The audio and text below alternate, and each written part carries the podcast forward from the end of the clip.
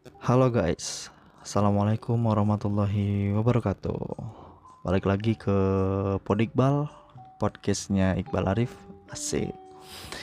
Uh, Di podcast kali ini Gue bakal ngebahas Salah satu uh, Judul uh, Cerita di kitab Kiroatur Rashidah Atau, atau Mutolaah Juz kedua uh, halaman 14 nah, judulnya tahun atau menyepelekan gila itu the point banget ya. Baru masuk langsung ngasih tahu pengen ngapain. Ya uh, daripada buang-buang waktu kan? Banyakkan basa-basi. Nah, nanti juga gue di akhir video eh akhir video akhir podcast gue bakal uh, ngomongin keterkaitan cerita ini dengan uh, kejadian yang baru saja dialami oleh rekan-rekan kita di Jakarta. Oke, langsung aja ya. Jadi mulanya itu ada dua orang pemuda yang lagi bikin uh, sebuah kapal dari kayu, bukan dari besi ya. Nah, dari dua orang pemuda itu salah satunya tuh uh, menemukan ada rayap di salah satu uh, batang kayu yang akan mereka gunakan untuk membuat kapal. Nah, kemudian uh, si orang yang menemukannya ini berinisiatif pengen ngebuang kayu tersebut. Nah, kemudian ketahuan lah sama temennya. Kata temennya gini, lu ngapain sih buang-buang kayu itu? Kan kayu itu udah kita dapetin susah-susah. Kalaupun beli harganya mahal daripada dibuang yang mendingan kita pakai lagi juga itu cuman rayap kecil gitu katanya. Nah si orang yang pengen ngebuang tadi si pemuda yang pengen ngebuang tadi ini ngedengerin omongan temennya. Akhirnya dipakailah kayu tersebut untuk bikin kapal. Nah berat berat berat berat berat. Akhirnya jadilah setelah berminggu-minggu kapal tersebut. Nah bertahun-tahun kemudian dipakai berlayar. Nah si rayap tadi tuh uh, malah bertelur si rayap tadi kan nggak dibuang tuh bertelur di kayu tersebut.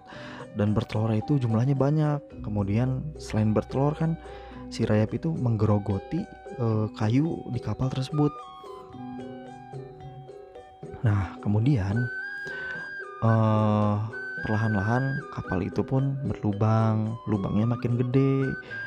Tahu sendiri kalau kapal berlubang tuh kayak gimana? Air pada masuk. Nah karena uh, air masuk dalam jumlah banyak karena lubangnya udah gede.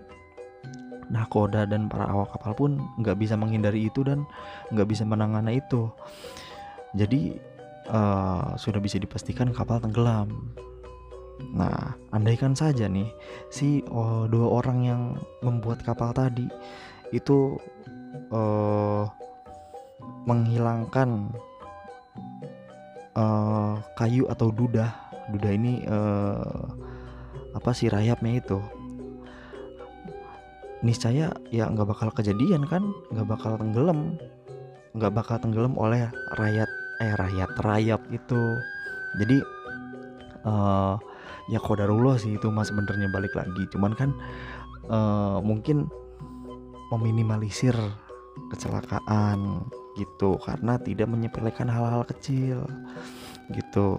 Uh, ya ceritanya udah sih segitu doang. Kan udah gua kasih tahu juga di podcast sebelumnya kalau ini tuh uh, kitab Kiratul Rasyid itu ceritanya nggak panjang. Cuman kita kan di sini nggak cuman ngomongin ceritanya tapi ngebahas hikmah terus sama uh, mungkin kalau misalkan ada kejadian yang pas bisa kita kaitkan dengan kejadian yang uh, terjadi saat ini gitu.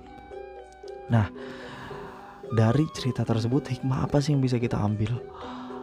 Nah, hikmah yang bisa kita ambil tuh jangan pernah meremehkan sesuatu yang hal yang kecil karena bisa jadi uh, sesuatu yang kecil itu bisa bisa jadi perusak atau penghambat kinerja kita ke depannya. Nah, begitu pula dengan dosa. Nih, dosa-dosa kecil nih ya. Nih, lu lupa ada nih ente-ente. Asik. gue ngomong kayak gitu bukan berarti gue bener ya. Tapi kan sesama muslim tuh harus saling mengingatkan gitu. Kalau apa sih kalau nggak ngingetin kan ya bukan saudara berarti. Jadi gue gue sih ngingetin aja gitu tuh bukan berarti gue paling bener enggak. Nah apa sih jadi jangan meremehkan sesuatu yang hal yang kecil termasuk dosa-dosa nih. Nah eh, dosa-dosa kecil tersebut kan kalau ada pepatah kan siki-siki sedikit-sedikit itu lama-lama bakal menjadi bukit. Nah itu bakal menghambat masuknya kita menuju surganya Allah. Weh, Masya Allah. Aduh sekali lagi ya gue ngomong gini bukan berarti gue orang yang paling bener Bukan.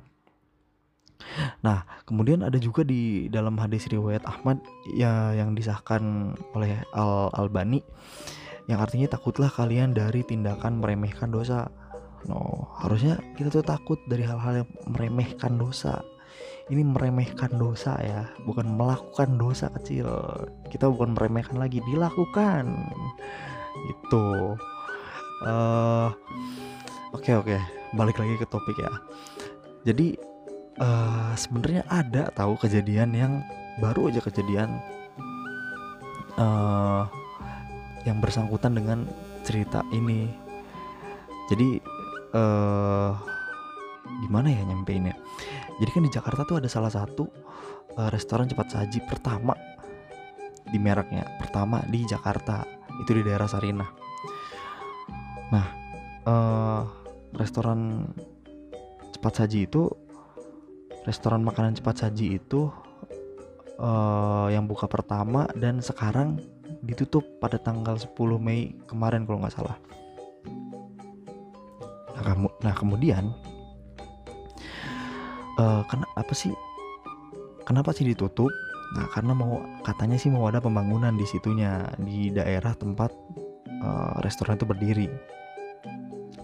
Nah masalahnya nih masalahnya kita nggak berbicara tentang tenaga kerjanya nanti dikemanain pegawainya dikemanain. Nah bukan bukan bukan berbicara itu kita berbicara yang terkait dengan cerita kita pada hari ini pada podcast kali ini uh, jadi uh, keterkaitannya tuh di sana kan banyak ya pengunjung yang mengabadikan momen acara penutupan restoran itu. Nah, kejadian itu sungguh, sungguh disayangkan, mengingat uh, di Jakarta sendiri kan lagi diterapin sistem PSBB ya, uh, pembatasan sosial berskala besar.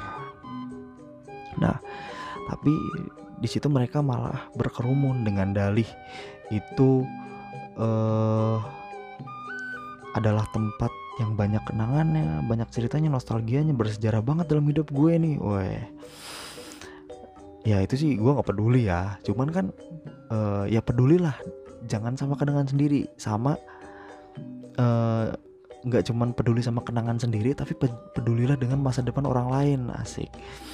Jadi jangan nyepelain ah kan kita udah pakai masker kita udah pakai sarung tangan. Nah, itu tuh itu kan bentuk penyepelean yang yang amat kecil sebenarnya. Penyepelean kepada makhluk Allah yang sangat kecil yaitu virus corona atau covid-19 itu kan makhluk Allah juga.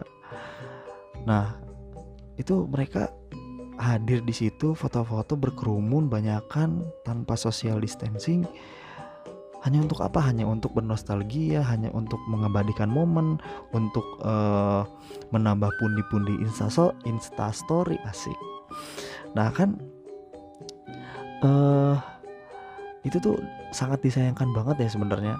Nah ini kemudian uh, dibahaslah oleh jubir pemerintah untuk penanganan virus corona, yakni Bapak Ahmad Yuryanto, uh, beliau menyampaikan pesan khusus agar kerumunan semacam ini tuh tidak terulang.